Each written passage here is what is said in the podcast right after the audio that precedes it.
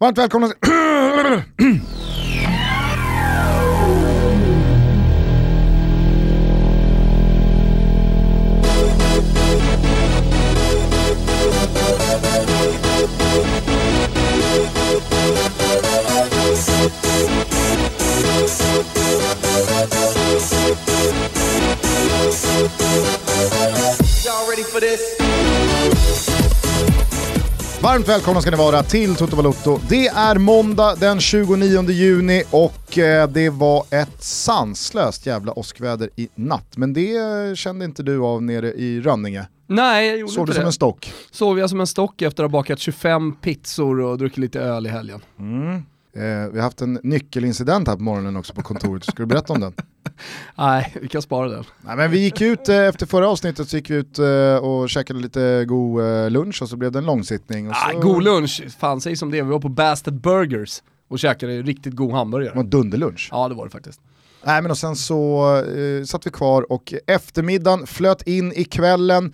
Det var Kvällen svenska- flöt in i natten. Precis, det var Svenska Cup eh, kvartsfinaler och det var Chelsea mot Manchester City och hela faderullan. Du bestämde dig för att ta slaggen kvar.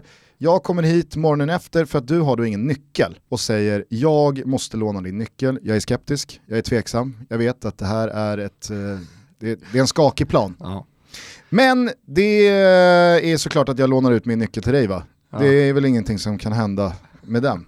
Så jag är här morgonen efter bara för att känna på att dörren är låst. För jag hämtade min bil och sen så åkte jag och spelade golf. Och då var det låst. ja. Sen så kommer Kristoffer Kvibar och Kristoffer Svanemar hit några timmar senare på fredag förmiddag för att spela in Testa Stör och då är kontoret tomt men ytterdörren är öppen. Jag säger då, fast det var låst vid sju i morse när jag var förbi och kände på, på dörren. Och det här kan du då inte tillstå Nej. eftersom du vet med dig att du har inte, vare sig låst upp eller låst, du har inte haft någon nyckel. Nej. Nu är den upphittad i mina byxfickor. Så du har låst om dig när du har gått och lagt dig. Och sen så har du även låst upp, släppt ut dig själv Ja. och på de sekunderna glömt att du har en nyckel i handen, stoppat den i fickan och lämnat kontoret olåst. ja. Så kan det vara att driva kontor med Thomas Wilbacher. Och det är härligt när det löser sig till slut. Eller hur? Alla gillar eh, bra eh, endings på fina historier. Ja det gör man. Eh, hörru du, eh, det är ju måndagstutto va? Ska du berätta för nya lyssnare vad vi gör på måndagen? Mm, måndagar, då går vi alltid igenom helgen, eller vi utgår ifrån den fotboll som har spelats på helgen. Men framförallt så börjar vi ofta med ett svep eh, där vi tar med liksom det mest eh, matnyttiga som, som vi tycker i alla fall ha, har hänt. Så om man då bara vill få en liten kort brief, eh, man kanske inte hinner lyssna på allt, så får man i alla fall helgen i, på någon minut eller ett par minuter. Men nu säger du att du har skrivit vårt längsta svep någonsin. Ja, jag tror, jag tror banne mig det. Så det blir lite never forget feeling av det, det här avsnittet. Nej, men jag har ställt är det några... modslinga och hela skiten på det? Nej, det blir nog inte moodslinga. Däremot så har jag ett par retoriska frågor i svepet. Så att fan. det här är ju så pass långt att vi kanske rent av ska stanna upp två eller tre gånger i svepet. Okej. Och så låter vi bara dig reagera. Ja, okej. Mm. Det kanske finns något där. Ja, jag, jag lyssnar skarpt. Vi visslar igång Kimpen.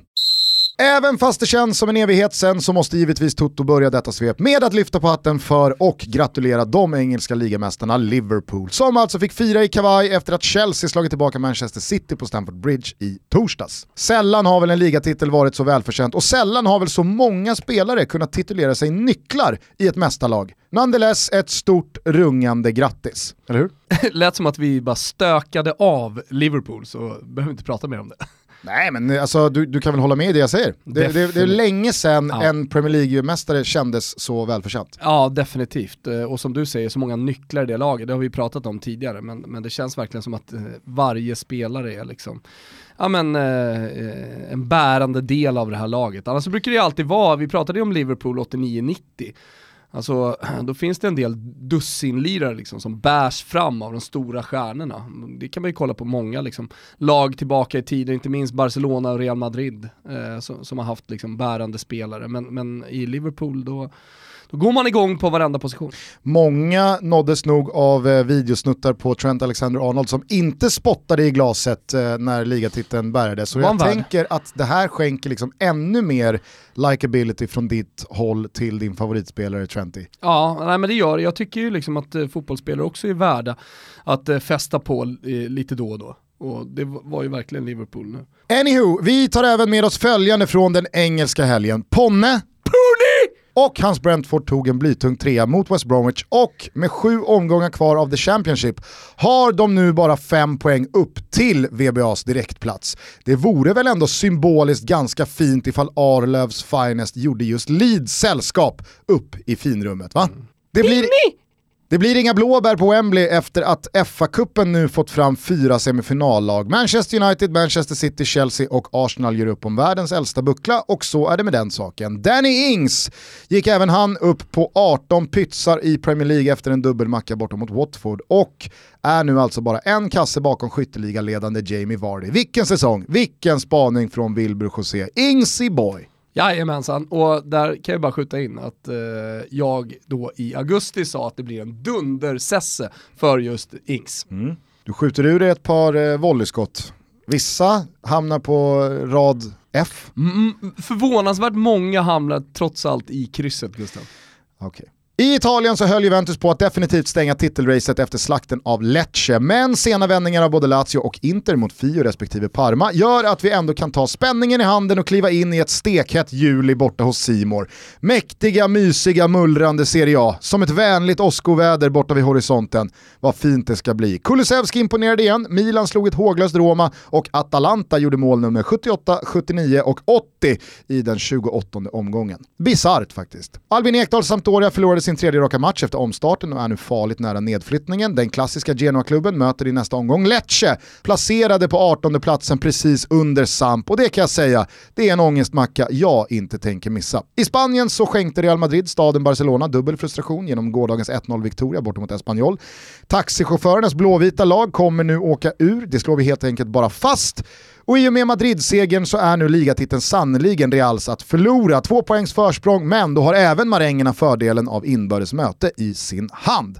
Karim Benzema stod för kanske hela säsongens läckraste assist, men frågan är om inte Villarreals 2-0 mål mot Valencia ändå brädar det mesta den här säsongen. Kan vi lova att Wilbur José får ut volleykalaset eh, från eh, El Madrigal på vår Insta? Jajamän. Ja, jag tror nästan det.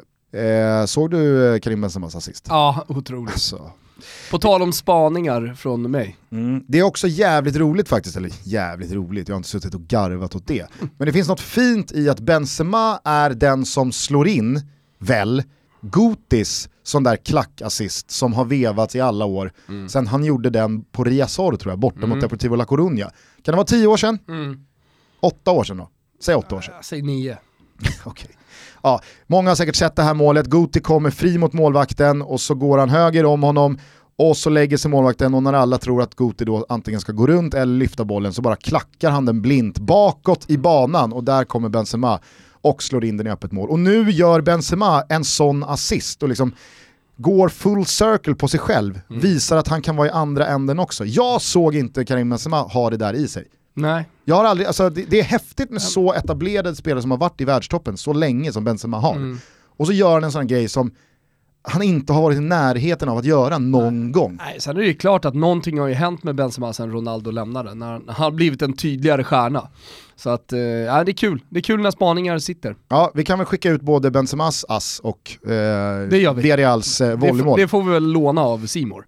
Det hoppas jag verkligen. Ja, eh, såg du för övrigt Villarreals 2-0 mål Ja, otroligt. Jag tror att det är Leeds va? i slutet på 90-talet som gör något liknande när bollen går, inte på ett snöre, men den går inom laget i luften och sen är det ja. väl Jeboa ja. som trycker in volleyn i taket. Ja det är coolt. Ja det var ett eh, sjukt snyggt mål. Eh, Real Sociedad då? Alexander Isaks La Real möter ikväll Getafe och allt annat än en seger vågar jag påstå blir spiken i kistan för drömmen om Champions League. Vad ser ni det då tror ni? Ja men visst är svaret ännu en gång Simor. Här hemma i Sverige så skulle flera av de stora in i elden igen efter kuppkvartarna i torsdags. Bayern skulle slicka såren efter uttåget mot Blåvitt men trots en tidig ledning fick de grönvita lämna Listerland landet utan poäng. Skarp kritik riktades mot domarna, nu måste VAR komma till Sverige och efter bara fyra poäng på de fyra inledande matcherna och dessutom respass ur kuppen undrar jag lite försiktigt, är den svenska allsvenska säsongens första kris ett faktum? Ja, det tycker jag nog. Mm. AIK stod upp betydligt bättre mot Malmö hemma på Friends än på Stadion i torsdags och borde givetvis vunnit efter att ha lett med 2-0 20 minuter från slutet. Men dubbla straffar för himmelsblått och delad poäng i Solna. Peking fick med sig alla pinnar från Östersund och Sead Haksabanovic ser för dagen ut att kunna göra nästan vad han vill i den här serien. Diffen pulveriserade Kalmar och hade avgjort matchen redan efter 11 minuter, även fast jag hörde Viktor Elm i Radiosporten säga att äh, tycker ändå vi börjar ganska bra. Det är helt otroligt. Ja. Eh, säsongens första Mr Hattrick blev väldigt förvånande Fredrik Ulvestad karriärens första hatt. Vi säger grattis till Norrbaggen. I övrigt så tar jag med mig Augustinsson juniors frisparksfot och petningen av Tommy Vaiho. Men de här två grejerna kan vi återkomma till. Den gamla repiga skivan Blåvitt kvitterade sent ännu en gång, den här gången borta mot Sirius, men trots ganska svaga resultat är det svårt att klaga på avstånden i tabellen, för bakom fullpottspeking så är det extremt jämnt. För att leda detta i bevis så skulle en fyramålsseger ikväll för Häcken mot Helsingborg ta getingarna från en 14 plats till en tredje plats. Mm. Fina, jämna, ovissa allsvenskan ändå. Mm. Ni vet var vi slutar va? Ja men visst fasiken stänger vi ner den tyska säsongen för den här gången genom att konstatera att Hamburger Sportverein, Hau es wow, Die Rotenhausen från Folkparkstadion har precis noll och ingenting som kan liknas vid ett pannben. I Bundesliga gjorde Werder Bremen sitt i lördags och löste kvalplatsen genom en slakt av Köln. Och för ett episkt Nordderby om en plats i högsta ligan efter sommaren så krävdes då alltså bara en futtig liten pinne av våra vitrödblå vänner hemma mot totalt utcheckade dynggänget Sandhausen. Detta eftersom Bielefeld redan efter en kvart gjort 2-0 mot kvalplatsinnehavande Heidenheim. Men icke sa den gamla Nicke. HSV klev ut inför de tomma läktarna och packade ihop fullständigt. Det pinsamma slutresultatet skrevs till 1-5. Och givetvis gjorde Dennis Diekmayer efter åtta mållösa säsonger i just Rotenhausen det sista målet och vi kan nu en gång för alla konstatera att det nog inte finns en enda mer kapsejsad, förlist, nedgången och genomrutten Once They Were Great-klubb i hela världen. Eller har du något motbud? Nej du Tompen, Hauerswau, wow, Eis inget andra än under großen sorglich skämten. Det betyder att HSV är ingenting annat än ett stort sorgligt skämt. Usch! För att liksom spä på det ytterligare så kallades de ju för, jag tror inte de gör det längre, för dinosaurerna. Det var det enda laget i Bundesliga som inte hade åkt ur. Jag tycker sånt här är skittöntigt. Jag vet att eh, i Italien så brukar Inter prata om att de aldrig har spelat i Serie B och, och, och sådär. Men eh, vad är det ens? Liksom? Så, ja, 1972 då spelade Bayern München i, i, i Zweite och vem fan bryr sig? Men i alla fall, det var ju, det var ju Hamburgs liksom stora grej och klockan tickade på Folkparkstadion. Så här länge har vi spelat i Bundesliga, de var jättestolta. Och sen nu, nu är man liksom kvar nere i Zweite och man ser ju man ser bara mörker framför sig. Mm. Sen är det klart att de skulle kunna göra någonting, jag vet inte, liksom, för, för, något starkt att komma tillbaka till nästa säsong och, och, gå upp. Men allt det där med klockan som tickar och dinosaurierna och det som var Die Rotenhosen, eh, Die Rautenhausen, eh, det, det, är liksom borta. Nu, mm. nu är det som du sa i svepet, alltså de, det finns ingenting som kan liknas vid ett pannben, det är bara mjukglass. Vi såg ju fram emot det där mötet mellan rivalerna Bremen och eh, Hamburg. Fan! Mm. Vet du vad den här förlusten gör? Eh, nej. Jag överväger starkt att nu lämna Hamburg. By, byta till Bremen? Ja, jag, jag, jag, by, jag byter till Bremen. Nej, det, det, får du fan fundera på ett tag. Men, men jag förstår det ändå. Ja. Undrar om det är fler i Hamburg som kör. Det, det är så här. Känner du dig kränkt som, eh, som Hamburg-supporter? Jag känner att det, är så här, det, det, var, det var kul ett tag. Ja. Det är lite roligt, de kämpar på, de, de är dåliga så här, men det här, det här är ju bara, det är ju bara pinsamt här. Det är sorgligt. så du byter bara helt solika till Bremen? ja, kanske. Jag vet inte, jag får suga på den karamellen. Jag tycker i alla fall att min fråga är befogad. Alltså av alla Once We Were Great-klubbar mm. som finns där ute i, i, världen. Det är, liksom, det, det, är en del, inte jättemånga, men absolut en del. Det, det, ja, men så här, om man kollar på, i Championship så har du ju Leeds. Ja exakt, Leeds är, Leeds är ett klassiskt motbud. Ja. Du har eh, lag som har haft ett par heydays här och där, alltså i typ Spanien med Valencia har ju alltså ligatitlar och två Champions League-finaler för 20 år sedan, eh, mm. Deportivo La Coruña, men, men, där blir det ju liksom så här, ah, det blir, mm. för, det blir för svagt, det blir för litet. Det, mm. Det, det, det, är en för, det är en svajig grundplåt att jämföra med. Ja det är verkligen, om kollar man på Serie B i Italien så, så har du faktiskt ganska små lag som ändå har varit i Serie Ja, A, nej, men, men alltså absolut så inget motbud. Alltså, det är inte så att du bollar upp Empoli, Pisa, Nej, jag tänker- Pescara, Venezia, Livorno här. Då är det väl snarare läge att prata om Sampdoria och Parma till exempel. Ja, alltså ja. lag som, nu, nu gör ju Parma en fin säsong och där, där, fin, där finns det ju morgonluft i lungorna. Bari är klart en klubb som ja, går alldeles för mycket på dekis, som en gång i tiden hade 50 000 på läktaren, en stor stad i södern och så vidare. Sunderland är väl också ett Mm. eh, lag från England som ska nämnas här. Glasgow Rangers har såklart eh, haft sina eh, jobbiga år här eh, ekonomiskt och de har börjat om och så vidare. Men alltså hur Nej, men Hamburg är en mastodontklubb, det, Exakt. det, det vi, Alltså, vi pratar om en klubb som har varit bäst i Europa. ja. Som har inhyst Ballon d'Or-vinnare, som Mm. har liksom eh, varit eh, alltså, topp fem vad gäller medlemmar, publiksnitt. Jag tror till och eh, med topp fyra alltså. ja, ja, Jag tror de har varit uppe på, du på på en stringent hatt. Ja, verkligen. Fjärde platsen där. Nej, men de, de är ju en av Tysklands absolut mest följda klubbar. Alltså det är en sån bulldozer. Jag rekommenderar alla, jag vet att jag, det här är inte första gången, men jag rekommenderar alla att lyssna på When We Were Kings avsnittet om Hamburg. Eh, där kör Niva faktiskt en väldigt bra genomgång, inte bara av en säsong, utan av Hamburg som klubb. Att det är liksom så här, hur de än gör så gör de alltid fel. Mm. Och det, det var ju väldigt många som då följer den tyska fotbollen som igår på sociala me- medier tävlade om vem som kunde formulera Hamburgs förfall eh, bäst. Och, eh, alltså, Det gjorde ju du nyss.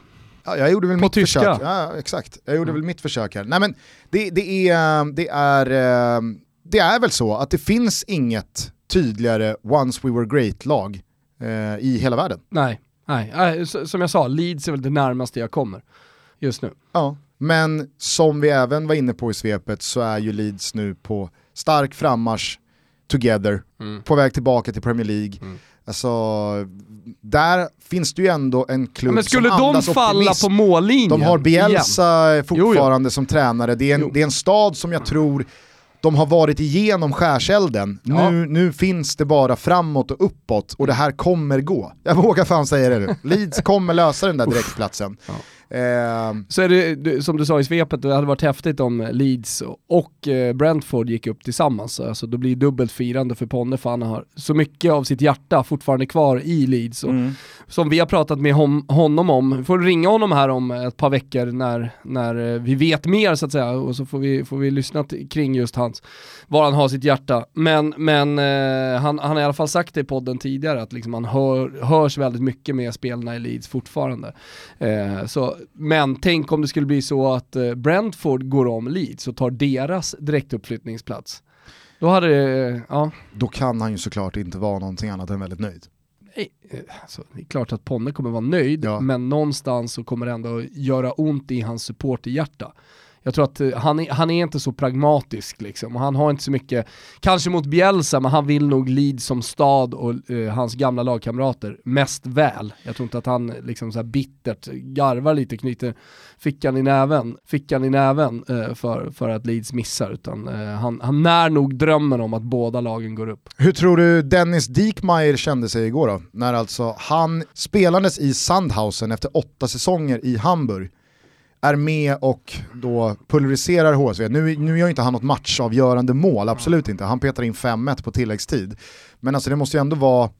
Jag så inte. deppigt utan publik också. Sätta det målet, då är de ju gett upp för länge sedan. Ja, nej, jag vet inte. Han kanske, kanske också har ett litet supporterhjärta som eh, bultar. På tal om att ha gett upp här nu i säsongsavslutningen. Jag noterade, jag satt och räknade ihop Schalkes resultatrad här efter eh, omstarten post-corona. Jo men inte bara efter omstarten. Det är så här, inför eh, corona-outbreaket så var de ju också helt jävla värdelösa. Vilket utcheckat lag. Ja. Vilket, liksom, där, där, där går det ju fortfarande att liksom peka på ett Bundesliga-kontrakt och Mm. det är en klubb som säkerligen mår väldigt mycket bättre än klubbar som Hamburg, både ekonomiskt och sportsligt och så vidare. Men, men alltså det, det, det, det verkar ju också finnas en kronisk sjukdom i Schalke 04 Mm. som är liksom en, en apati. Ja. Det, det, man kan inte man kan inte se så håglösa ut så länge som Schalke gör. Det är ju nästan fascinerande. Ja, det är det faktiskt. Eh, men eh, okej, vad har vi mer från svepet då som du skulle vilja stanna till vid? Eh... Ja, men vi kan väl säga någonting om Liverpool, alltså Mm. ändå, och den säsongen som de gör. Och jag vet att nu, nu har den här, den här ligatiteln har varit klar så länge. Så det blir ju lite som att man redan har pratat om eh, Liverpool och deras säsong och hur fantastiskt eh, allting har varit. Eh, men eh, alltså, sättet de gör det på, sättet de liksom tycker jag ändå efter den här eh, omstarten eh, eh, samlar sig, eh, fortsätter att vara helt jävla överlägsna, eh, spelar den fotboll som man alltid har gjort. Jag tycker ändå att det är imponerande också. Så det låg ju, tycker jag, så här, det, det låg en liten choke i luften, sen hade de grejat det ändå efter första matchen. Eh, att det kanske skulle ha satt sig lite i huvudena. Men eh, det, är väl, det är väl så enkelt att Klopp är den absolut bästa motivatorn, den bästa ledaren där ute just nu. Och sen så kan man prata om eh, fotbollsfilosofer eh, eller fotbollsfilosofier, vilken man gillar bäst, om det är Contes, om det är eh, Simeones eller om det är Pep Guardiolas. Eh, men, men just som ledare och liksom få ihop gruppen och få alla känna sig delaktiga, även de som startar på bänken. Men Origi, han, han firar ju det här guldet lika mycket som alla andra gör, känner sig lika delaktig också. Och det är Klopps förtjänst. Så att, eh, och det arbetet som Klopp har gjort, den fingertoppskänslan som han har haft under, under de här åren, är, är helt unik och den är helt överlägsen också. Shakiri känns inte som någon som känner sig precis lika delaktig som alla andra. Är det Shakiri som på något sätt då eh, är undantaget som får bekräfta det här? Det är bara en magkänsla, Ja. jag vet inte. Jag tror fan han känner sig ganska delaktig ändå alltså. Han Hörru du, in eh, Ox till exempel kan man ju också prata om, så mycket han spelar. Jo men fan han har också en del i det här jävla laget. Det jag är lite nyfiken på hur du resonerar kring, det är ju just Jürgen Klopp. Nu har han snart varit i Liverpool i fem år, oktober, så länge oktober alltså. 2015. Ja. Och kom Eh. ihåg hur det började. Liverpool skulle spela eh, hans gegenpressing, det var den här enorma energin och frenesin i, i laget.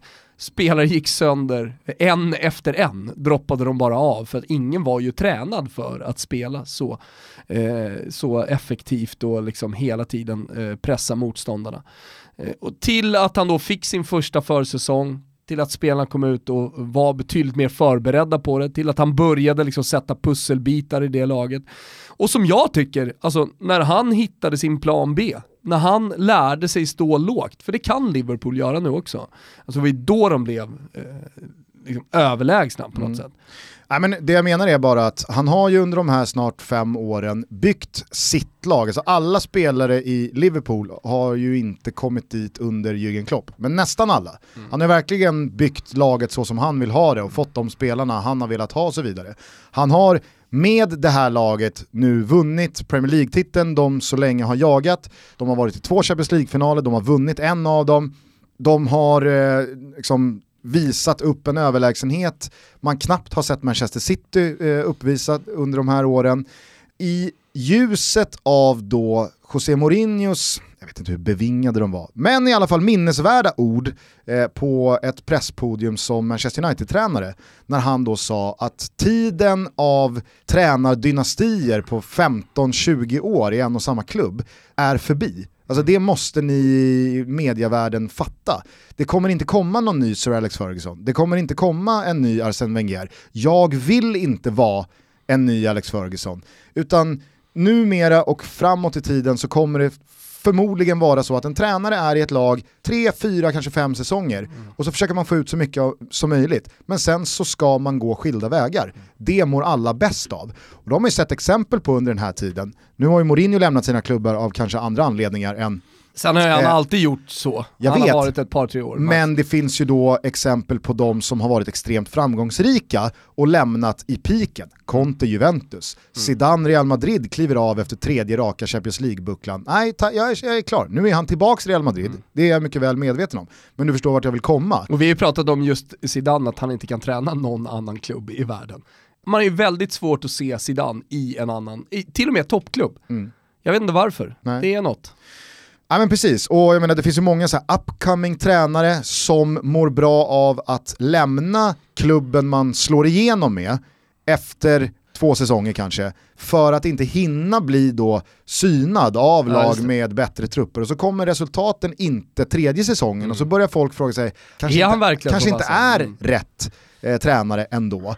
Alltså det finns ju många otaliga exempel på det, Mm. där man borde ha lämnat en säsong tidigare, Mm. eller två. Hur som helst, min fråga då till dig att med allt detta sagt, med de titlarna Klopp nu har på CVt, han har ju dessutom ett relativt nyskrivet kontrakt med Liverpool, han förlängde väl sitt kontrakt så sent som i december. Tro, alltså så här, tror du att Klopp då är, om vi nu pratar om undantag som bekräftar regler, är Klopp den nya Sir Alex? Alltså kan han bli Liverpool trogen i tio år till? Ja men definitivt, eh, och jag tror det på grund av eh, hans sätt att vara utanför planen. Det kan inte vara ett skådespel utan det känns så eh, otroligt genuint eh, att han hela tiden är glad, han verkar trivas otroligt bra i Liverpool som stad. Det är som att det har blivit en perfect match eh, mellan han, klubben och staden. Eh, och, ja, men jag har också lite som med Zidane svårt att se honom i, i en annan klubb. Nu tror jag visserligen att han skulle lyckas var han än kom. Men jag tror också att han känner liksom att han har byggt det här och han har varit så delaktig i det här bygget. Det är inte så att det har varit två sportchefer som har satt en massa toppspelare eh, på varje position. Det här har vi också pratat om, liksom, var tar han sina spelare ifrån? Jo men det är Southampton, det är Roma, eh, det är, vad sa du att Robertson kommer ifrån? Ett nedflyttat Hall.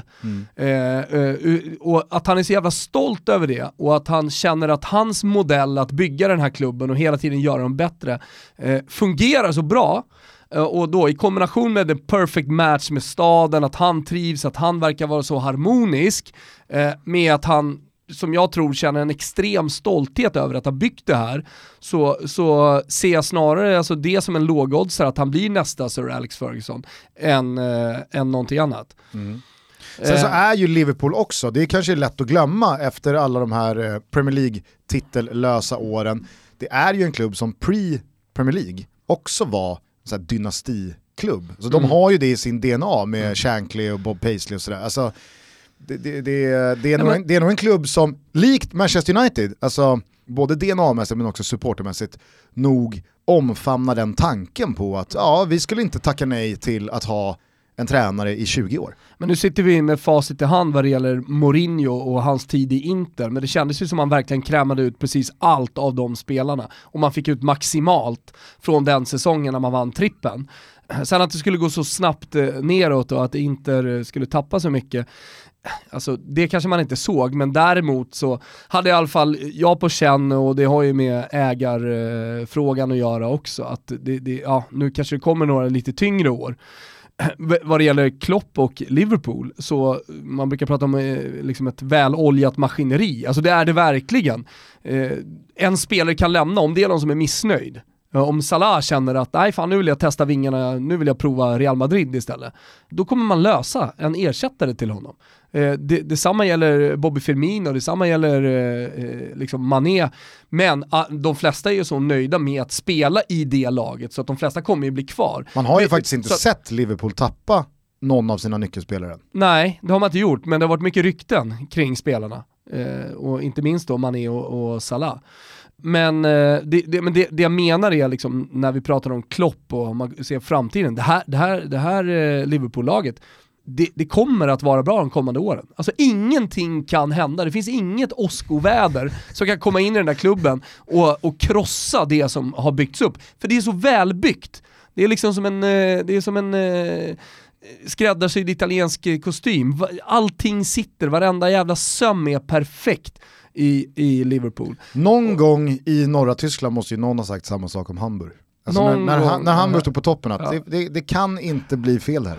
Vi Kanske, gör allt rätt. Men den personen hade fel. Men jag har rätt vad det gäller Liverpool. du Jag har fel. jag, jag, jag har jätterätt. Nej, men håll med mig om att eh, det här Liverpool-laget kommer vara så här bra. De kommer prenumerera på topplaceringar eh, i ligan. Eh, de kommer säkerligen vara med i titelracen kommande fem åren.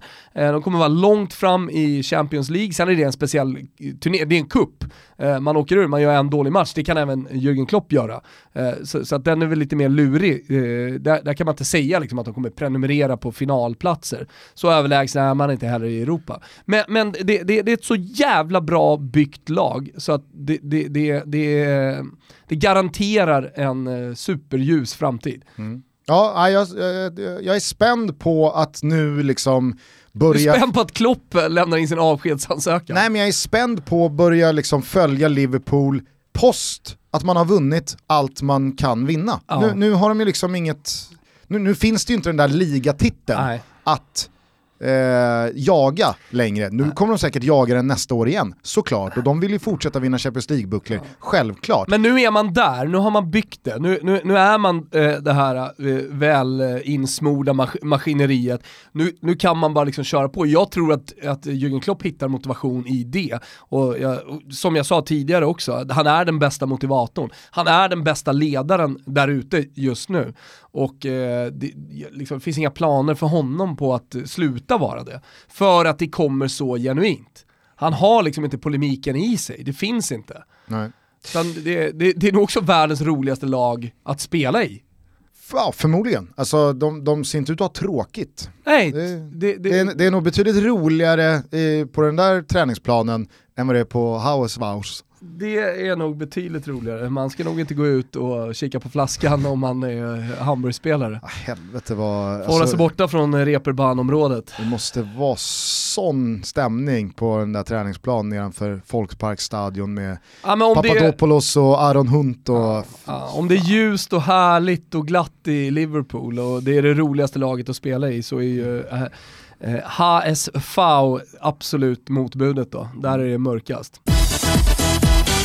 Vi är sponsrade av våra vänner på Sniff och på sniff.com stavas alltså S-N-I-P-H och ingenting annat så kan man registrera en prenumeration på den här grymma tjänsten. Thomas berätta, vad gör Sniff? Nej men då börjar man undra, vadå, vadå prenumeration på parfymtjänst? Jo men det är ju så normalt sett att man använder en eller ett par eller tre parfymer och sen så liksom har man dem hela tiden.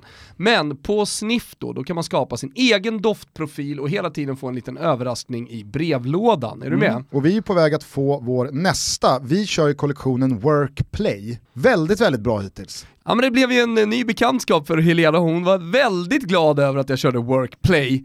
Eh, som är, eh, hur ska man beskriva doften Gusten? Nej men eh, alltså, Lite muskig men samtidigt fräsch. exakt. Här, det, det luktar som att här kommer en aktiv person. Här kommer en aktiv person, här kommer en mästare. Det brukar Helena säga nu, nu för tiden, när, när jag kommer. Där kommer en mästare, och det är när jag har på mig den här parfymen. Där kommer han, mästaren. exakt, exakt. Ja. Och det är bara tack vare Sniff. Precis, gå in på sniff.com, knacka ihop eh, er egen eh, doftkollektion så tar Sniff vid och börjar skicka ut sina unika dofter hem till er i brevlådan. Perfekt så här i coronatider när man inte behöver besöka butiker och så vidare. Med koden TUTTO så får man 25% rabatt Jävlar. på första månaden och då kommer även i ett riktigt schysst litet etui. Jajamensan. Vi säger stort tack till Sniff för att ni är med och möjliggör Toto Balotto och så påminner vi återigen då om att det är Sniff med PH, S-N-I-P-H.com som gäller och ingenting annat. Gå in där hörni, gör det nu.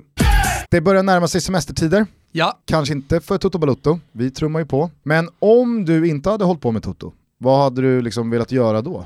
Nu skriver du för? Expressen och Ja, du ja. programleder Studio AIK och så vidare, men om du helt hade bytt bana, Mm. vad hade du liksom eh, börjat eh, närma dig för flikar och annonser på randstad.se?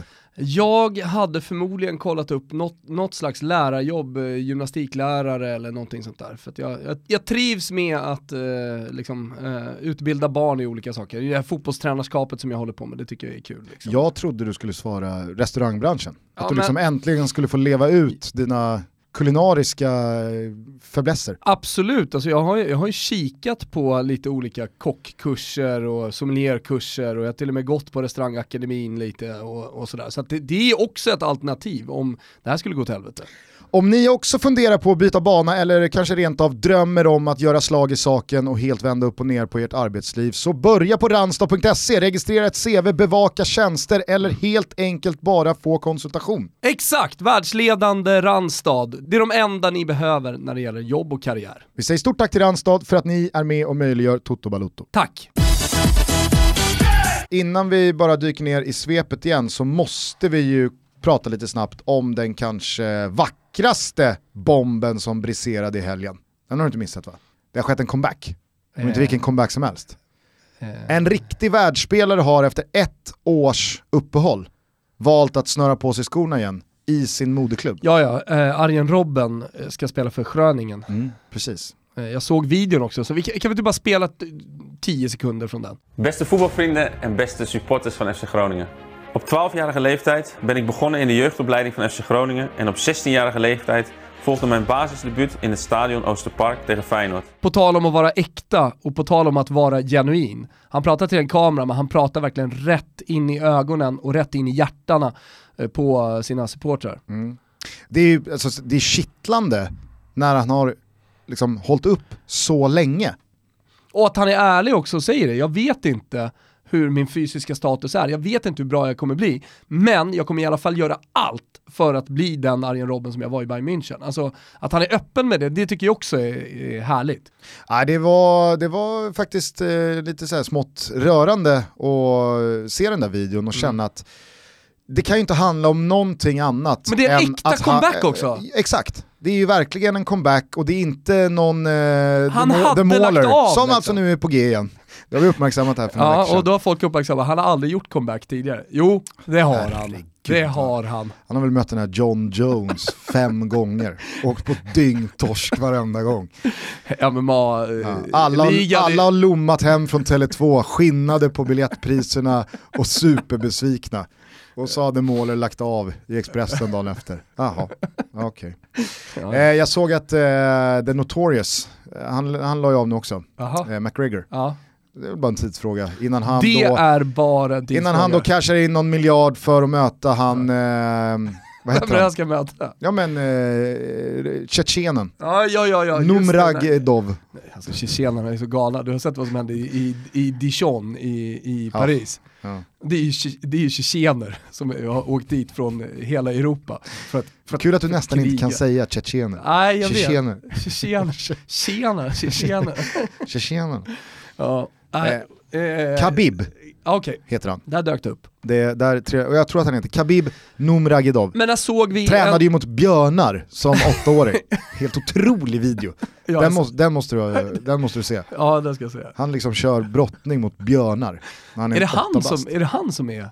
Som, som, jag har ju sett videon, jag Ja. visste inte att det var han. Jo det är Khabib. bara var någon jävla Och så är det ju ont blod mellan honom och McGregor. Eh, McGregor sulade in en jävla pirra eh, genom eh, Khabibs bussfönster och så vart det liksom världens upphypade Känns match. lite VVA, det känns lite wrestling över det hela va? Ja, fast det var ändå nu på tal om äkta känslor. Alltså de, de gick ju i clinch då för något år sedan. Ja. Och det var ju sån slakt av Khabib alltså. Ja. Det, McGregor hade ju ingenting att sätta Nej. emot och sen så spårade det ur efter. För Ja. då skulle ju liksom, då, då, skulle, då skulle revanschen bli fulländad. Två plus MMA-toto.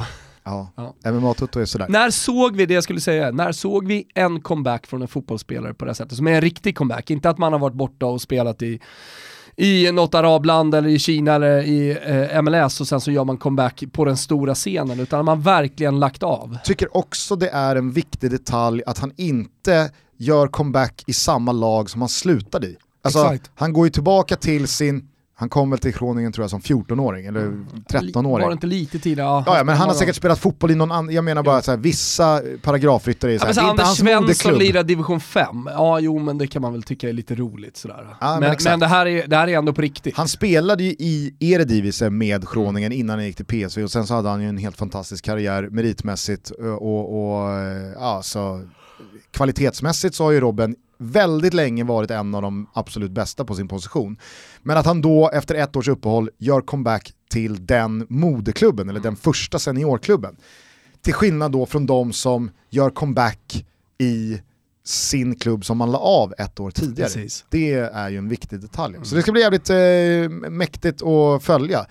Den holländska ligan kan vi påminna om, den la ju ner under corona. Det var ju den franska ligan, den holländska ligan, det var några som valde att inte, avslu- eller att inte fortsätta. Ja, och jag kan tänka mig att en bidragande faktor till den här comebacken är också att Robbens comeback säljer en jävla massa säsongsplåtar, Ja, ja. sponsorpengar och så vidare och så vidare som kommer hjälpa Groningen ekonomiskt Mm. eftersom de ja, fick lägga ner en liga och förmodligen bli av med ganska många miljoner i tv-avtal Nu har inte jag läst, men spelar han gratis eller finns det någon som, som där ytterligare twist på historien som gör den ännu vackrare? Han- eller är det så här att han... ho- holländskt kaxigt skönt att i en sån här liksom comeback-video även avslöja vad han tar i veckan. Vad tar i veckan som är Saftig saftigt, alltså. så, så gör att Groningen liksom, han balanserar vid, vid stupet där liksom konkursen eh, är nära. Det hade varit roligt i alla fall. Ja, om det blir någon sån här Magic Johnson i Borås. Borås. Han kommer dit, tar en jävla massa pengar för att förlora typ fyra matcher, sen, så går, Exakt. sen går... Sen var väl eh, en Borå- sju- det- sen- gick de under. Sen gick de Var det värt det? Sen Kanske. Typ alla basketklubbar på ett eller annat sätt under. Eh, Ja. Det, det är tufft att vara basketklubb i Sverige. Jag skulle vilja jämföra det med att vara eh, liksom, elitbasketklubb i Sverige. Det är lite som att eh, vara division 1-klubb i fotboll. Det, Division 1 det är- norra. Ja, division 1 norra framförallt då, med långa resor och dyr verksamhet. Men ja, inte så jävla mycket ljus på sig. Kanske framförallt Stockholmslag i division 1 norra. Ja, Alltså många division 1 norra klubbar i sin respektive stad är ju ändå lite... ja men staden sluter upp liksom. Stadens lag och det finns sponsorer Ja. och det finns ett intresse och det är säkert ett publiksnitt på eh, 1500 eller något. Mm. Alltså för Stockholmsgängen i division 1 norr, det är ingen som bryr sig. Nej. Här finns redan Djurgården och Bayern AIK och Allsvenskan och det är, liksom, det är Stockholm vi pratar om. Ja. Det är, jaha, Karlberg gnuggar på, Ja. Sollentuna, Så att de hittar sponsorer, så här, Vasalund lokala. Luleå, de, de, de hittar ju liksom, ja, men, lokala entreprenörer som är med och stöttar deras verksamhet och ser till att få det gå runt. Sen har ju Luleå haft det tufft också, men, men, men ändå, i mindre orter så är det lättare att få till än i Stockholm. Ja, eh, basket-tutto, 2 plus. Ja, också. ja. Ska vi släppa Robbens comeback då? Ja. Och bara snabbt eh, beröra lite andra grejer i eh, svepet. Bland annat då, då eh, det här jag tog upp från Djurgårdens match. Det var ju väldigt kul då att Viktor Elm menade på då. jag tycker inte vi startar speciellt mycket sämre än dem. Så 3-0 till Diffen efter 11 minuter. Det var ju sanslöst alltså. Men eh, såg du eh, Jonathan Augustinssons frispark? Ja, jättefin. Alltså jag tycker att det är märkligt hur lite medial uppmärksamhet och follow Ludvig Augustinsson ändå får. Mm. Alltså han har brottat sig till en mer eller mindre ordinarie plats i de regerande svenska mästarna. Han var med och vann SM-guld i fjol. Han är brorsa till en av Sveriges absolut bästa fotbollsspelare. Given landslagsman, får väl se om han blir kvar i Werder Bremen till nästa säsong. Men du förstår vad jag menar, alltså det, det, det, det är märkligt tyst kring Jonathan Augustinsson som har visat upp också hur skicklig han är på att spela både ytterback, mittback och sen den här frisparksfoten. Jag tycker det, det, det, är, det är anmärkningsvärt att, visst, man har ju sett bröder förr eh, göra det bra, lillebrorsor till eh, allsvenska spelare, landslagsspelare, vad det nu är, komma fram och på samma sätt visa samma karaktär eller egenskap och så vidare. Men just att båda har den här klippet i dojan Mm. på liggande boll. Mm. Jag undrar om det är liksom på något sätt med, Genetiskt. Alltså, genetiskt. Eller om det är precis på samma sätt som Ludvig säkert har visat Jonathan att det är bara gnugga, gnugga, gnugga. Mm. Du ska vara först på träningsplan, du ska lämna sist. För första lönen så köper man återhämtningstermobrallor och så vidare. Alltså, alltså så här, vissa saker kan du, alltså du har ett bra skott så kan du gnugga på det, men, men har du inte ett bra skott då kommer du aldrig komma dit. Så att jag menar, det är klart att det finns eh, talang i det han gör. mm.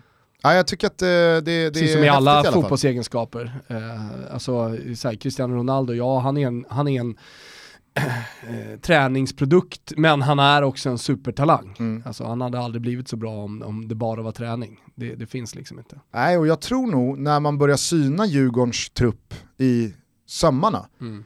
så ter sig Jonathan Augustinsson mer och mer som deras liksom guldkalv. Mm. För vem ska, de, vem ska de casha in på nästa gång? Det är många som har hoppats på Chilufya, men sen så har du liksom... Du har, Jag tycker det är jobbigt liksom att följa den allsvenska fotbollen, att man ska hela tiden ska tänka, ha vem blir nästa incashning så att vi kan fortsätta den här verksamheten och vara på topp. ja, det kan jag hålla med dig om, men det är ju så Jag det vet, fungerar med tanke på vart svenska klubbar är i Mm. näringskedjan någonstans. Eh, Vad, vad håller AIK på med då? då? Ja, alltså, Alltså håller de på liksom eh, bygger upp eh, miljardkassan här nu med, med att spela de unga. Men vad fan, nu är det någon ny lirare, Karl. ja. Jaha, där var han född 2002 eller 2001. eller vad det Ja, var. och han har gjort 70 bra minuter. Det Ja. är bra, jättebra, absolut. Men det är ju det är långt ifrån 70 bra minuter till 30 millar in på kontot. Absolut, absolut. Det Och- men däremot eh, Paulus Abraham, Mm. Ter sig ju som ett ruskigt jävla nyförvärv för AIK. Nu vet jag inte exakt hur den dealen ser ut, men jag misstänker att eh, BP ska få en del av liksom, vidareförsäljningskakan, men eh, AIK, där har ju verkligen, på tal om att liksom, så här, ska casha in, Ja. alltså, han är ju real fucking deal. Alltså. Men nu var vi på Jonathan Augustinsson. Ja, nu var vi där. Så Gå gärna, får gärna knagan i tillbaka. dig eh, chilla här ett tag va? Absolut, men, men det finns ju andra spelare runt om som man också skulle kunna nämna, men det kan vi ta. Ja, ja, jag, jag tänker bara så här. Chilufya har ju väldigt många djurgårdare hoppats på, Mm. ja men det kan bli liksom nästa Kadewere som slår igenom och så kan man kränga honom för ett par miljoner. Vet inte, jag är li- lite skeptisk där ändå. Mm. Berkrot, Radetinac, Ring, Kujovic, Kalle Holmberg som är plats, alltså det är inga spelare som ska lämna för stora pengar. Nej. Ingen av dem kommer göra det. Sa man om Danielsson också. Visst, visst. Det är, det är en rimlig invändning. Kina finns där. Mm. Men eh, alltså på mittfältet har Karlström precis mer eller mindre skrivit på att jag ska, jag ska bli Djurgården trogen. Det ska inte... I, Jo men inte när, när man läser sådana ord så måste man läsa det med visst förbehåll. För att kommer de stora kinesiska pengarna, eller var nu pengarna kommer ifrån, då, då går alla spelare. ja. Och det, det måste man liksom ha med sig. Hur som, eh, Ulvestad sitter på utgående, Kevin Walker eh, kommer inte inbringa några cash och så vidare och så vidare. Så att jag, jag, fan jag tycker att så här, Jonathan Augustinsson borde bli lite så här, Toto, Toto följer honom Mm. lite extra Ja, noga men där. visst, Vittry, Fan, min gubbe, Vittry alltså. då? Vittry, där kan det visst säljas. Ja. Han har ju riktigt, riktigt bra Men då, siffror. då är Vitt, ska Vittry vara min försäljningsgubbe så är Augustinsson din. Ja. Okej. Andra Djurgårdspucken här bara, som jag noterade. Du såg att eh, Kim Bergstrand och eh, Tolle valde att peta, bänka, vila, hur man nu vill benämna det, Tommy Vaiho. Och så var PK Bråtveit eh, inne i kassen igen. Håller nollan, de vinner med 5-0. Tommy Vaiho går i fjol från att vara liksom evig andra keeper som hoppar in och gör det bra i något derby här och där, men över tid inte riktigt håller då klassen för att bli Djurgårdens första keeper. Men så i fjol så bara stämmer allt, han radar upp hållna nollor, han blir en episk guldlegendar. Och det kommer ju ingen någonsin kunna ta ifrån honom. Men vi var inne på det inför säsongen också, att med Mackan Danielsson borta, det kommer nog eh, släppas till en hel del eh, fler chanser. Och Tommy Vaiho, han är ju inte 21, alltså Tommy Vaiho är född 88. Det är väl klart att han under så många år snarare har visat vad han håller för nivå än att han under 3, 4, 5 månader i fjol pikar och med det signalerar att nu har jag blivit så här bra. Vi hade väl lite på känn, och det hade ju såklart många också. Att Men den här kanske inte- petningen har väl inte att göra med någon slags rotation i truppen för att det är tajt spelschema? Det är väl lätt att säga. Alltså det är väl, det är väl en tacksam köksdörr att ta ut. Jo men samtidigt så här, du Det ska inte ändra på ett vinnande lag, klyschan, eh, alltså det, det, finns ju någonting som stämmer i det också. Ja, det jag skulle komma till var i alla fall en fråga då till dig. Mm. Alltså, jag tror så här, nu har inte jag hört Kim Bergstrand eller Tolle Lagerlöf säga att Nej, men det är tajt om matcher, alla, det, det vi måste gå runt. Målvakter, de Exakt, ja men det tycker jag också. Det är väl klart att Tommy Vaiho kan stå en fotbollsmatch var tredje, var fjärde dag. Ja. Inga problem. Nej. Men när de nu ställer Bråtveit till mål, han håller nollan, de vinner med 5-0, gör sin överlägset bästa match hittills i år, och Bråtveit dessutom går ut i media efter matchen och säger jag kommer bli riktigt förbannad om jag hamnar på bänken här nu. Hur hade du gjort eh, som tränare för Djurgården? Ja, I en det- sån situation, för det är ett jävla Jag känsligt vet inte läge. hur, jag, jag, jag vet inte hur liksom, de orden i media kommer landa liksom, hos uh, Tolle och Kim, men jag, jag, jag misstänker att de landar bra. Att, så, här, fan vilken taggad keeper vi har. Det är klart som fan han ska bli förbannad om han tappar sin plats nu. Ja, ja, så konkurrenssituationen, det är inte den jag pratar om. Den är väl supersund nu. Ja. Men de möter Malmö i nästa, Mm. och då är det ju liksom så här, i, ingen, ingen kan lura i med någonting annat än att mot Malmö så kommer man spela bästa lag. Mm. Alltså det kommer man göra. Det är inga, inget tal om rotationer i Djurgården. Exakt. Nej. Således så kommer ju målvakten som står, det är ju Djurgårdens etta. Mm. Och hade du ställt tillbaks Vaiho i målet? Nej, det hade jag inte. Nej. Men det, är, det är onekligen speciellt Mm. i och med att han var sån tydlig guldhjälte för bara några månader Nej, sedan, ett halvår absolut. sedan. Absolut, sen eh, finns det ju säkert en anledning till att Bråtveit eh, spelar också. Alltså det, det, det händer ju saker på träningar som vi inte ser. Och förmodligen så är han helt enkelt bara förbi. Och sen så funkade det inte, lite som en hockeymålvakt. Eh, Om det inte funkar för Henke Lundqvist så blir ju han utbytt även mitt under en dundersäsong för honom. För vissa matcher så går det inte. Men vad det gäller fotboll så tror jag att det är mer, eh, mer bestämt. Eh, alltså, eh, byter du målvakt så byter du. Det var ju, Barcelona höll ju på att snurra och det var andra klubbar som följde med. Att man ska mm. ha liksom två bra målvakter och sen så spelar man båda. Men jag tycker att det konstprojektet, det föll inte så väl ut. Eh, nu, nu spelar väl, väl Ter Stegen alla matcher. Silessen fick ju liksom... Ja men han, han fick ju några kuppmatcher. Men du, jo, men det hände ju alla lag. Du refererar ju tillbaka till tiden då Ter Stegen stod i ligan men Bravo stod i Champions League. Ja alltså exakt. Det, det, var så här jättekonstigt. Ja och man pratade öppet om att så här, vi, vi roterar på målvaktsposten. Alltså vi har två bra målvakter, två, två bra målvakter som båda ska stå. Sen, eh, jag, jag vet inte, Juventus har väl någon liknande situation med Buffon som kommer in och är dunderbra och är bet, bättre än Chesney. Sten. Chesney. Stelzny. Stelzny. Ja. Jag förstår vem du menar. Ja, du förstår vad jag menar ja, men är du med? D där har man ju kanske det enda laget som jag kommer på, alltså stora laget ute i Europa som har någon slags rotationssystem för, för målvakterna. Men jag tror inte Kim och Tolle är inne på att köra någon slags eh, rotationssystem, utan är, är, det Bråtveit, är det han som ser bäst ut på träningarna och, och dessutom nu då funkar på en match, gör en, får stå, gör en bra match mot Malmö också, då är han nog ganska liksom, fast eh, mellan stolparna. Ja, det är onekligen eh, spännande att följa sådana här heliga kor som ändå Tommy Vaiho gjorde sig till med tanke på fjolårsguldet. Eh, och sen så här tidigt in då i en säsong, mm. eventuellt vara tillbaka som två igen. Mm. Eh, var det något annat från eh, svepet som du fastnade för och som du ville diskutera vidare lite. Nej men jag, jag, jag, noterar i alla fall att du håller den italienska ligan vid liv fortfarande, trots eh, Juventus tämligen överlägsna ledning. Ja men jag tycker ändå att det är en jävla ja, skillnad en på torsk. att som ja. i Premier League ja. har spelat 32 matcher mm. och att i Italien har spelat 28. Alltså det, det, är ju det är 10 omgångar kvar. Ja, nej, men du, 30 du, poäng att spela. Mm. Nej men det, det har du såklart rätt i. Alltså problemet med Juventus, eller det enda lilla problemet som jag har med det, det är att de ser så jävla bra ut just nu. Och nu börjar ju eh, Dybala och eh, Ronaldo hitta varandra. Mm.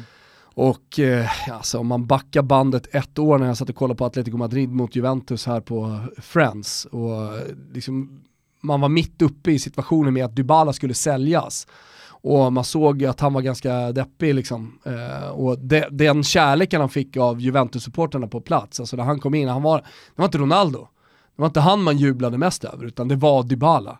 Och alla ville verkligen ha kvar honom. Och sen så att vara så mentalt starkt att kriga liksom verkligen tillbaka en startplats och vara så bra som han har varit nu på slutet här. Det, ja, men jag, ty jag tycker det, det, det är en jävla styrka och jag tror att Juventus borde inte hålla på och fundera på hur framtida, de kommande två årens anfall ska se ut. Man kan hitta en tredje gubbe istället för Douglas Costa eller vem det nu är. Där alltså, skulle man kunna göra någonting. ska väl... Ja, Kulusevski ska in, kanske är han svaret på liksom alla frågor eh, kring tredje gubben då. Jag tycker inte Bernadeschi är det, han, han, är, han är för, han är för långsam, är han inte det, för att spela på den positionen?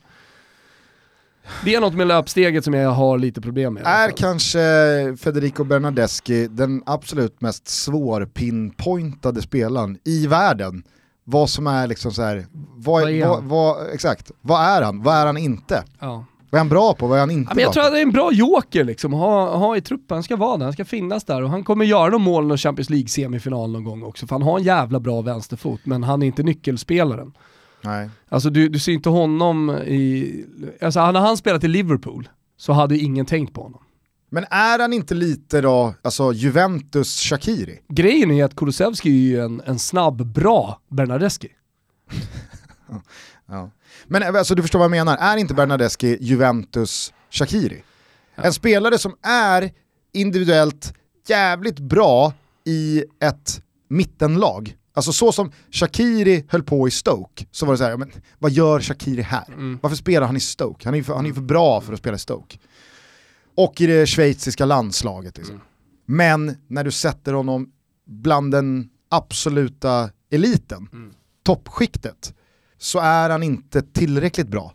Så då blir han liksom så här, han, han, blir en dyr spelare mm. som ska få sina minuter, mm. men han själv har ju en självbild av att varför är det inte jag, Cristiano och Dybala mm. Mm. från start varje match? Mm. Och det märks ju på mm. honom.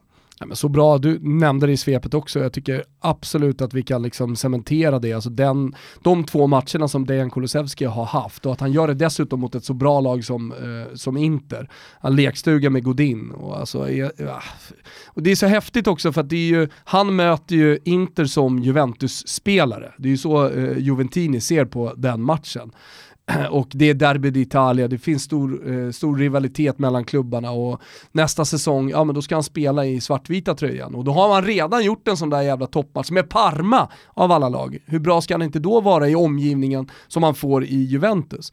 Så jag menar, det, det, det där, det där var det där var en liten blick in i framtiden Eh, faktiskt. Nu har ju Parma också svartvita tröjor så det går ju lätt att eh, föreställa sig honom liksom i, i den svartvita tröjan men eh, jag är helt övertygad om att Folk, folk diskuterar ju lite kring liksom Kulusevski, ska gå in i Juve, ska han bli utlånad, alltså de där liksom 400 miljonerna som han har spenderat på honom, det, det, är för att han ska gå in och konkurrera om en startplats. Inget snack om saken. Sen är det upp till honom att ta den liksom. Men om det är någonting man har lärt sig om eh, Kulusevski under de här åren, via intervjuer, via hans spel, så är det ju att det är en hårt arbetande jävel från mm. västerort. Helvete. Och som bara gnuggar och som verkligen har skallen. Han har ingen Rotenhosen-skalle den killen utan det är, det är tjockt jävla noshörnings liksom, pannband som han går in liksom, varje träning i och står kvar och, och, och tränar och tränar. Liksom.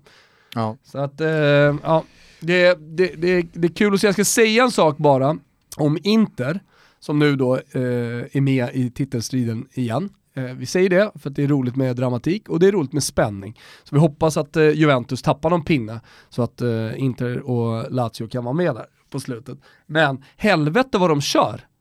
Och även Juventus och värva spelare. Nu ska Hakimi komma nu från Real Madrid. Vad är det vi har missat som Real Madrid har sett? Ja, har han en svag vad eller?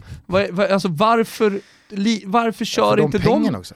Varför kör inte de Hakimi? Nej, jag vet inte. Han är alltså utlånad till Dortmund från Real Madrid och Inter köper honom nu. Ja. Vad jag förstår så ska han typ göra medicals i veckan va?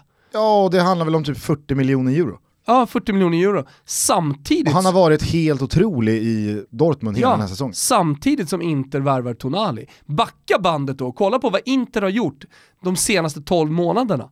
Vad de har värvat, från Lukaku till Christian Eriksen till Hakimi. Alltså det här är ett lag som kommer vara i världstoppen snart. Och man har dessutom Antonio Conte som tränare. Det här året det har varit liksom att känna och klämma på en toppstrid. Ah, var där, ah, okej, okay. man har lärt sig allt mycket men det var... Där var när man letar avokado. Absolut, ja, pre ja precis. Det, där, där har de varit. Den här kommer vara bra ja. om tre, fyra dagar. Ja exakt. Men, men där har Klopp också varit. Han vinner sin första ligatitel nu efter fem år. Alltså, eh, sätter man Tonali, sätter man Hakimi, jag, jag, tycker också att Conte har varit så otroligt bra på att ta de här spelarna som man inte tror på. Alltså jag vet att jag var inne på det med Ashley Young. Alltså, han är bra Inter. Han gör jobbet liksom. Sen kanske inte han är den spelaren som vinner titlar till Inter i framtiden. Eller Men han Moses. fyller sin funktion nu. Eller Victor Moses. Victor! Fucking hell! Fucking hell! Så att, eh, nej, jag, jag, jag tycker bara jävligt imponerande hur eh, Suning Group eh, satsar och hur de har satsat de senaste 12 månaderna. Dessutom i Conte vid rodret. Det ska bli sjukt spännande. Alltså så som du följer Augustinsson följer jag Inter. jag tror nog ändå att du följer Inter närmre än vad jag följer Jonathan Augustinsson. Ja, Nej, men jag, jag, kan bara hålla med dig om eh, att eh, jag verkligen reagerade på eh, att Hakimi då inte ska tillbaks och ta över efter Carvajal. Mm. För att jag tycker att Carvajal är en jättebra eh, högerback. Men den gubben, har, den gubben har vi sett botten i. Mm. Han kommer inte hålla Champions League-vinnande nivå i mycket mer än två år till. Det Nej. tror jag inte. Hakimi är verkligen framtiden. Nej. Och när vi ändå är inne och då pratar om eh, nyförvärv till italienska klubbar, vad håller Barcelona på med? det är ju nästa fråga man måste ställa sig. Va? Ja, visst. Tänkte du på något speciellt eller att man då släpper Artur? Och... Men jag tänker på att man eh, nu ligger två poäng efter i ligan. Mm. Eh, man eh, hattar såg runt mäktiga, bland Såg du mäktiga Ricky Push ja, ja. från start? Ja, Hur mm. var han? Jag såg väldigt lite av den matchen måste jag säga. Okay. Eh, jag såg att han var i startelvan och kände, ja, ja det är klart han är. Klart, Ricky Push är där. Nej men, alltså, någonstans är Barcelona lite på väg fel. Det är min känsla. Mm. Där är det inte välkalibrerat just nu. Och jag, jag, det handlar inte bara om Arthur, det är någonting i Barcelona som liksom så här, hur länge, just nu lever man på Messi lite för mycket tycker jag. Ja, Messi och Ter Stegen. Ja, faktiskt. Man har Och Ricky världens... Push Man i, har, i all ära alltså. ja, nej visst. Ja, men det, det, det, alltså det, det är ett superlag och alltså, fan de är två poäng efter och kanske vinner den här ligan i slutändan ändå. Men, men ja, det är någonting med Barcelona, hur de agerar just nu. Jag kan inte sätta riktigt fingret på det heller. Men, men eh, som, som gör att jag, det, det, det är inte väl kal kalibrerat. Nej, och det är inte bara just nu. Det har ju varit väldigt rörigt Exakt. eh, på sportchefshåll och i tränarrummet senaste två åren. Ja. Alltså, Nej men exakt, det har roterat för mycket. Ja, nej, visst. Det, det, Håller koll på Barcelona Gustav, fan det är mycket det, jag måste ha en lista snart. Ja. skriva upp här. Du, det du framförallt behöver ha koll på det är avslutningen här. Ja. Eh, det är veckans första schnitzel. Oj! Som delas ut till IFK Göteborgs bortaställ. Såg du deras helgula med en blåvit eh, lodrätt revär Mm. längs vänstersidan av tröjan? Jag vet inte senast jag såg ett så snyggt bortaställ i Allsvenskan. Det är... Men ge det då till Kraft. Ja, som det, har de kommit in med, ja, som har kommit in med kraft i den svenska fotbollen Mm. och visar att man verkligen vill någonting. Ja, men, Gör snygga grejer till Bayern också. Ja, nej, men jag älskar bortaställ som är helt annorlunda Mm. än hemmastället. Jag har aldrig gillat den här liksom, Sampdoria-grejen. Men är det, deras, bara byter, är, är det liksom- deras bortaställ eller är det deras tredje ställ? Det vet jag inte. Nej okej. Jag har bara sett dem i Blåvitt hittills, för Ja. de hade Blåvitt borta mot Varberg. I sin... Det är en googling bort, hur som helst, det är snyggt. Men just när man, tar, när man går åt något helt annat håll, Mm. helgult, har ingenting med IFK Göteborg att göra. Alltså, de- Eller så har det det. För det, det I Ja, Italien där- så där- finns det, alltid någonting alltså så här, i Göte- stadsvapnet. Göteborgs stadslejon är väl gult, alltså på samma sätt som eh, solen i Stockholms stadsvapen. Eller är det, Ja, det är Solna som har sol. Eh, Stockholm, Stockholm, har Sankt Erik. Sankt Erik. Han är väl också gul? Han är gul. Ja. Ja. Det kanske är det, inte fan vet jag. Men det var helgult och sen så den här, alltså spåret av eh, det blåvita. Mm. Är, det är en sån jävla nice detalj tycker jag. Ja, Så jag att det, var, det var en ruskig fullträff, Ja. måste jag säga. Eh, på tal om ruskig fullträff, Toto-trippen. Oh! Borta hos Betsson, för nytillkomna lyssnare så är det så att vi varje vecka spelar en Toto-trippel. Alltså en trippel helt enkelt och eh, nu satt den. Mm. Och vi var så värda den. Det har varit stolpe ut ett par veckor men helvete vad vi var värda den. Trist då att det var Fio som, som tappade en ledning till torsk. Nu ska de hålla på eh, gnälla på domarna igen och allting. Ja, det är får, vi får glädjas åt. Ribéris eh, klassmål. Verkligen. Det var... Ja, snyggt. Ja, på tal om Robben då som är tillbaka, Ribéry, han spelar fortfarande fotboll ni som har missat det. Han gör det i den lila mycket vackra tröjan. Ja. Jag sitter i full kit wanker här idag med Batistuta från Nakata och lila shorts och alltihopa. På väg ut till Sandhamn Gusten, så vi måste, måste börja runda av här. Då. ja, det ska vi göra. Vi hörs igen på torsdag eller fredag. Det spelas så satans mycket intensiv fotboll just nu att vi får helt enkelt se vilken dag som passar oss bäst. Men fortsätt lyssna på Never Forget också parallellt med Toto Balutto. Ligger exklusivt hos eh, Spotify och nästa avsnitt eh, kommer på onsdag. Idag kan ni dock höra livsödet kring Edmundo och Animal, en riktig partyprisse som hade kunnat nå legendarstatus på ett sportsligt plan också. Ja, Men han valde festen. ja, det gjorde han. ja, han gjorde mycket mål också ska sägas under hans långa karriär. Men, Men han visst, valde ju festen framför att maxa. Alltså det, att maxa sin det är karriär. inte han tredje definitivt- brorsan Augustinsson, Edmundo inte. Nej det är det definitivt inte. Så mycket kan vi säga. Eh, hörni, det om det. Vi hörs snart igen. Det gör vi. Ciao tutti! Ciao Toto. Får glida